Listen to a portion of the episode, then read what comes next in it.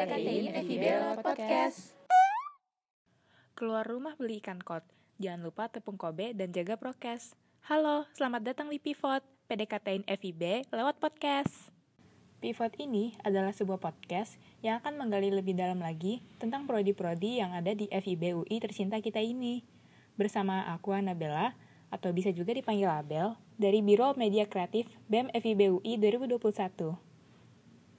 Di episode kali ini, kita bakal ngulik lebih dalam salah satu jurusan yang Indonesia banget.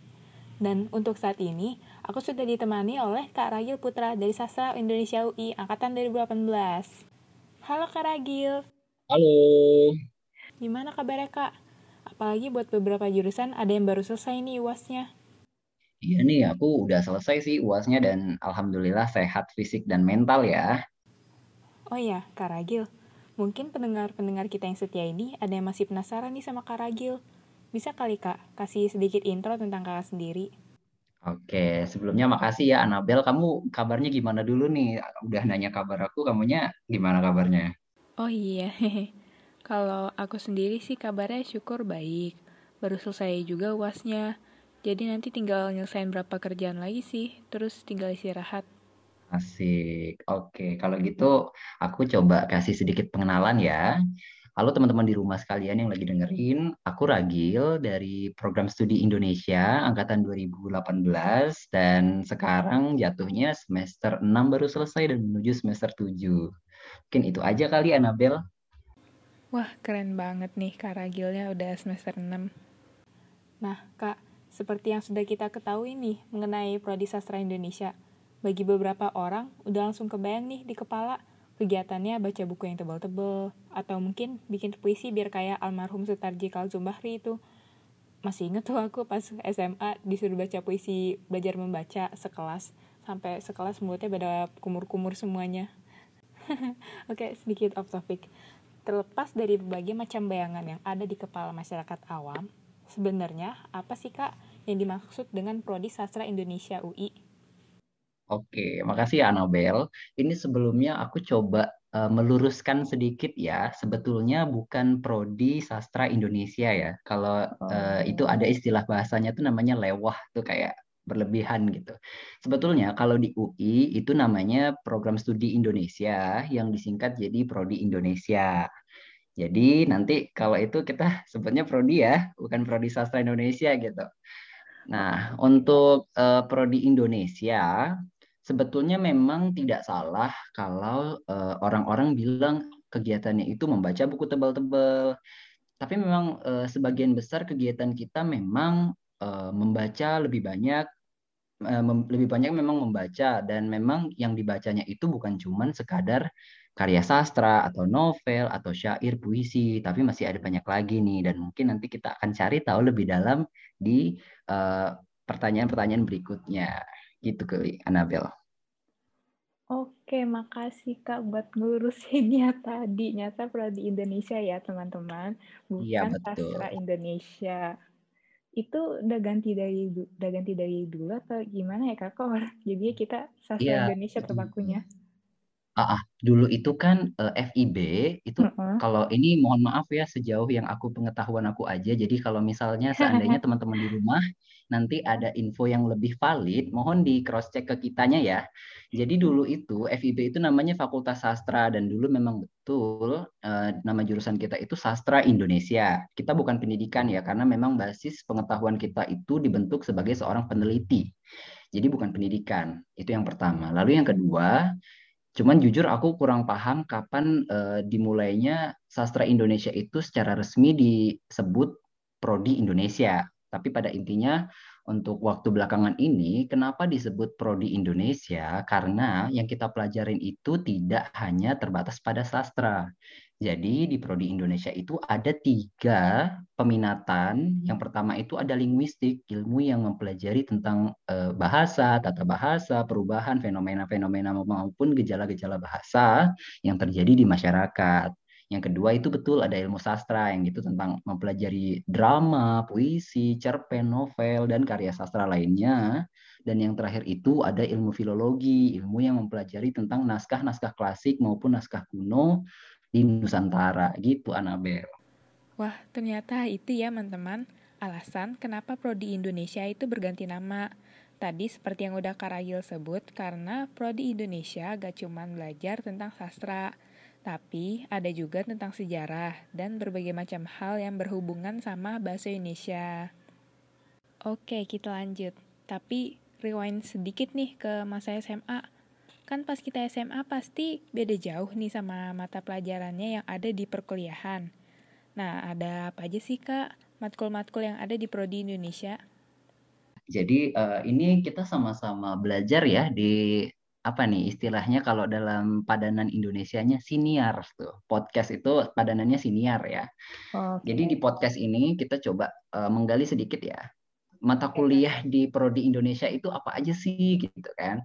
Tadi ada tiga peminatan, ada linguistik, ada sastra, ada filologi. Nah, kalau misalkan di mata kuliah linguistik itu hmm, dia pembagiannya banyak. Tuh ada cabang-cabangnya misalkan mungkin yang pertama pasti eh, pas maba belajarnya pengantar-pengantar dulu. Misalkan dikasih tahu ada tentang fonologi, ada eh, morfologi, sintaksis, semantik, pragmatik dan wacana ada juga semiotik dan lain sebagainya ya masih banyak itu ilmu linguistik yang secara spesifik itu akan terbagi jadi beberapa uh, disiplin ilmu lagi lalu di sastra itu ada ini nih yang mungkin teman-teman bakal sangat tertarik ya di semester 3 atau sekitar semester 3 dan 4 akan kita itu diajak uh, belajar untuk membentuk sebuah pentas drama. Jadi kita benar-benar uh, ujian akhirnya itu adalah mementaskan sebuah drama secara langsung dan itu mengundang penonton dan sebagai macam itu seru banget. Lalu eh, banyak lagi ya di sastra, cuman ini aku coba membuat beberapa garis besar yang mungkin sangat menarik untuk disorot nih. Lalu di uh, filologi itu kita ini kita mempelajari beberapa naskah-naskah kuno, naskah-naskah klasik. Kita bagi uh, kalau teman-teman di rumah pernah ngelihat film ini contohnya film apa ya? Mungkin nanti silakan teman-teman cari cuman dia model-modelnya tuh kayak gimana kita seorang Sherlock Holmes yang coba menemukan teka-teki melalui naskah kuno. Jadi kita balik ke masa lalu tapi isinya berdasarkan naskah klasik yang kita baca. Mungkin gitu dulu Anabel oh itu ya kayaknya aku juga tahu deh itu filmnya aku suka cuman aku lupa juga namanya ya, apa. apa, apa ya ini ini nih ini kayak The Da Vinci Code gitu oh, model-modelnya iya, iya, itu itu. Mungkin mungkin seperti itu tuh. Tapi nanti iya. kita coba. Teman-teman bisa berselancar di YouTube sambil nyari tentang ilmu filologi. Oke kak, menarik-menarik banget ya. Tadi penjurusan-penjurusan sama matkul-matkul yang ada di Prodi Indonesia ada linguistik yang dalamnya tuh dibagi-bagi lagi. Ada sastra yang ujian akhirnya bakal ngajak kita berdalam Maria. Dan juga ada filologi tuh yang bakal ala-ala dikreatif gitu, baca-baca naskah kuno. Nah, Kak, dari sekian banyaknya matkul yang tadi Kak Ragil sebut, ada nggak sih Kak yang favorit banget? Hmm, ya, makasih nih. Ini udah ditanya nih bagus banget pertanyaannya. Jadi kebetulan memang aku minatnya itu ke filologi tadi karena uh, for some reason I really like to be some kind of Sherlock Holmes things. Ini maaf pakai slang wow. dikit ya. Jadi aku suka teka-teki. Dan kebetulan uh, dalam mem memecahkan apa pun isi dari naskah itu ataupun apa pun yang berkaitan dengan naskah tersebut itu menantang ya. Jadi kita banyak um, mungkin maksudnya membaca yang tebal-tebal itu tadi contohnya adalah ketika kita mencari tahu atau me menjelaskan isi dari naskah yang kita pelajari itu kan perlu sumber banyak tuh. Misalkan kita kembali ke beberapa literatur-literatur zaman dahulu atau dari tesis, skripsi, disertasi orang-orang yang pernah menuliskan sebelumnya sehingga uh, proses pembelajarannya itu menurutku sangat menantang sih. Jadi seru tuh. Wah ketika misterinya terpecahkan rasanya puas batin aja gitu. Gitu sih Anabel jujur kak aku jadi tertarik buat masuk pro di Indonesia. Ayo pindah. Sekali lagi aku ngangkat stereotip menurut orang-orang selama ini tentang prodi yang berhubungan sama bahasa. Khususnya yang lagi kita bahas ini nih prodi Indonesia kan pada tahunnya belajarnya nggak jauh beda kan ya sama apa yang dipelajarin di sekolah jenjang-jenjang sebelumnya. Padahal kenyataannya tuh beda jauh. Nah, menurut Karagil nih, apa sih keunikan dari Prodi Indonesia UI? Oke, Ini aku sambil promosi boleh kali ya? Boleh Teman-teman banget, nanti setelah teman-teman di rumah dengerin siniar ini, teman-teman bisa cek video di uh, kanal YouTube-nya Prodi Indonesia. Itu ada penjelasan tentang sekilas tentang apa itu program studi Indonesia melalui video. Nanti teman-teman silakan tonton videonya karena cuma lima menit doang. Jadi sambil duduk nongki-nongki tuh dapat ilmu baru tentang Prodi Indonesia. UI ya. Nah, ini aku coba jelasin sedikit apa yang bikin prodi Indonesia UI itu unik. Yang pertama, mungkin sampai saat ini hanya di prodi Indonesia UI yang ada mata kuliah bahasa isyarat Indonesia. Itu yang harus jadi catatan. Jadi kita itu di semester 3 sih itu adalah mata kuliah peminatan linguistik. Kita belajar belajar bahasa isyarat Indonesia itu mungkin porsinya 60-40 eh, jadi 60% teori. Jadi kita mengetahui struktur atau ataupun fenomena sejarah tatanan bahasa isyarat Indonesia dan 40 persennya baru belajar praktik dan dosennya adalah dosen tuli. Jadi teman-teman itu memang mendapatkan ilmunya itu nggak kaleng-kaleng deh karena kan memang pengajaran bahasa isyarat Indonesia itu harus diajarkan langsung oleh tuli itu lalu untuk uh, perbedaan lain mungkin uh, ini kali ya uh, beberapa mata kuliah mata kuliah linguistiknya kita itu mungkin di beberapa semester itu di spesifik gitu loh. Jadi misalkan semester ini ada mata kuliah linguistik yang misalkan di semester 3 morfologi, semester 4 ada semantik. Jadi memang fokus di satu semester di satu cabang sehingga pengetahuan yang kita dapatkan tuh nggak sepotong-potong. Dan mungkin di beberapa maaf di beberapa kampus mungkin kayak digabung misalkan ada yang uh, satu eh dua cabang ilmu itu dijadikan dalam satu semester. Itu sih mungkin secara singkatnya. Jadi teman-teman mungkin boleh cek videonya di uh, kanal YouTube Prodi Indonesia FIB UI gitu.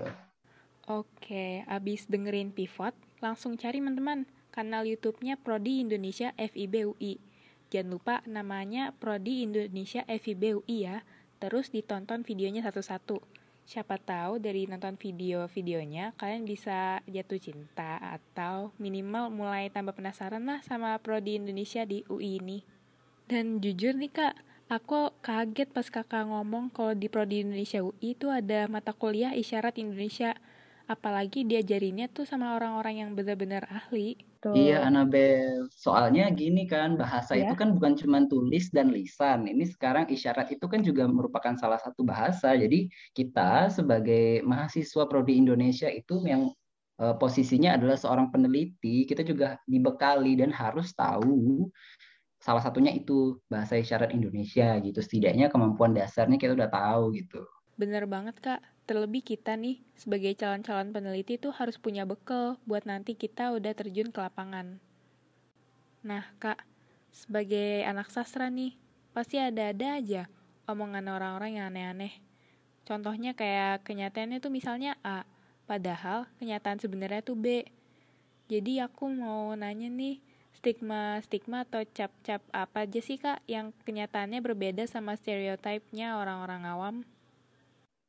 Oke, ini aku coba menjawab senetral mungkin ya, Anabel. Okay, Karena okay. kalau kita ngomongin stigma pasti ada yang pro dan kontra. Jadi semoga jawabanku tidak memancing atau memantik uh, opini tertentu ya. Okay. Jadi gini, uh, mungkin ada sebuah stigma di masyarakat terhadap uh, mahasiswa FIB atau mungkin lebih spesifiknya uh, mahasiswa prodi Indonesia ataupun sastra ataupun pendidikan bahasa Indonesia lainnya. Tapi secara spesifiknya aku bilang yang uh, prodi Indonesia UI ya. Orang bilang ketika kita masuk prodi Indonesia tuh pasti pada banyak yang nanya lulus mau jadi apa? Itu sih yang paling banyak. Misalnya lulus mau kerja apa? Lulus mau ke mana? Itu sih pertanyaan yang memang menjadi standar stigma paling besar yang kita itu cukup jengah untuk ngejawabinnya satu-satu gitu. Jadi ini semoga teman-teman di rumah, kalau orang tuanya nanya, kamu mau masuk prodi Indonesia mau jadi apa? Ini silakan jadikan alasan. Yang pertama dan yang paling utama yang aku rasakan dan aku terapkan dan sampai hari ini aku ngerasa bersyukur menjadi mahasiswa prodi Indonesia adalah memang kita itu belajar bahasa, tapi ketika kita belajar bahasa, kita tuh secara langsung juga belajar bagaimana memanusiakan manusia lain. Jadi kita udah tahu nih bagaimana caranya berkomunikasi dengan baik sehingga kita tahu bagaimana caranya memperlakukan orang lain melalui komunikasi.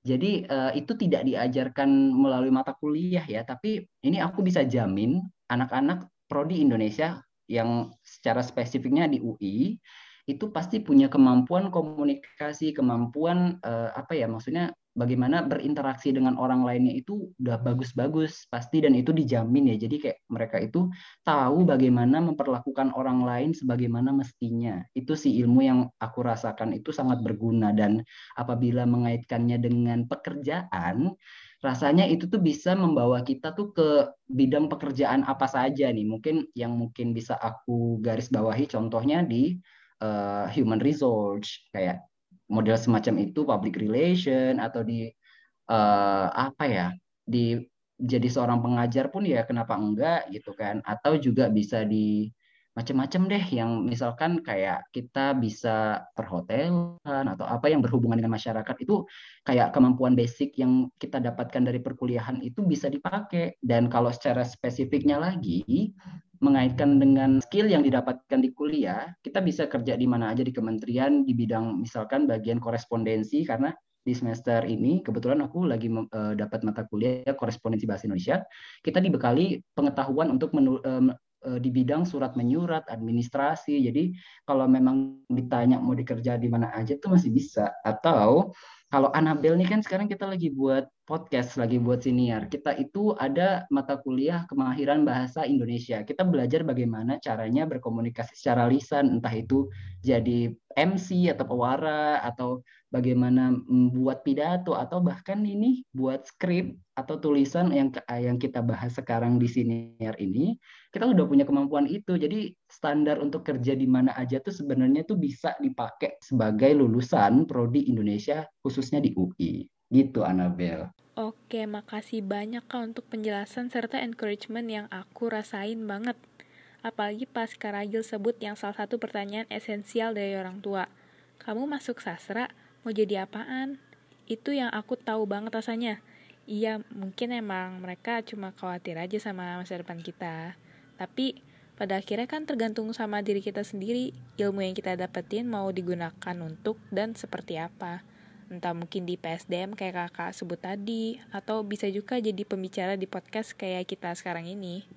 Iya, betul. Padahal gini ya Anabel, kemampuan kita sebagai uh, anak-anak FIB itu lulusnya kita itu punya kemampuan sebagai seorang peneliti yang mumpuni ya. Mungkin aku sedikit agak membual ya, tapi ini real. Maksudnya ketika seorang lulusan FIB UI itu pasti sudah punya kemampuan riset maksudnya mereka itu sudah dipupuk menjadi seorang peneliti dari mahasiswa baru sehingga sebetulnya kemampuan mereka itu bisa dipakai misalkan di LIPI atau di apa ya yang eh, perusahaan-perusahaan yang memang membutuhkan kemampuan research and development gitu. Jadi aku rasa ketika orang nanya anak FIB ataupun anak secara spesifik prodi Indonesia lulus mau jadi apa ya tergantung orangnya mau jadi apa karena kemampuannya tuh banyak, cuman memang uh, sesuai selera dan memang sesuai minatnya masing-masing aja kali ya mau kerjanya sebagai apa gitu. Betul itu kak.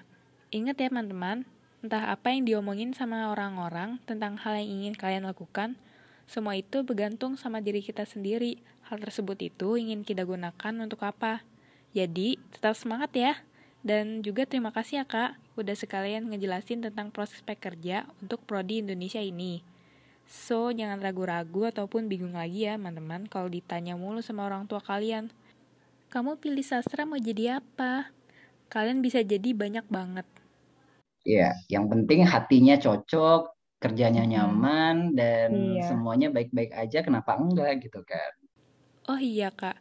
Siapa tahu nih, di antara pendengar-pendengar kita ada camaba atau maba-maba yang ternyata masih ragu nih buat milih prodi Indonesia di UI Mungkin kakak bisa kasih sepatah atau dua kata buat mereka biar mereka lebih yakin udah milih prodi Indonesia di UI ini.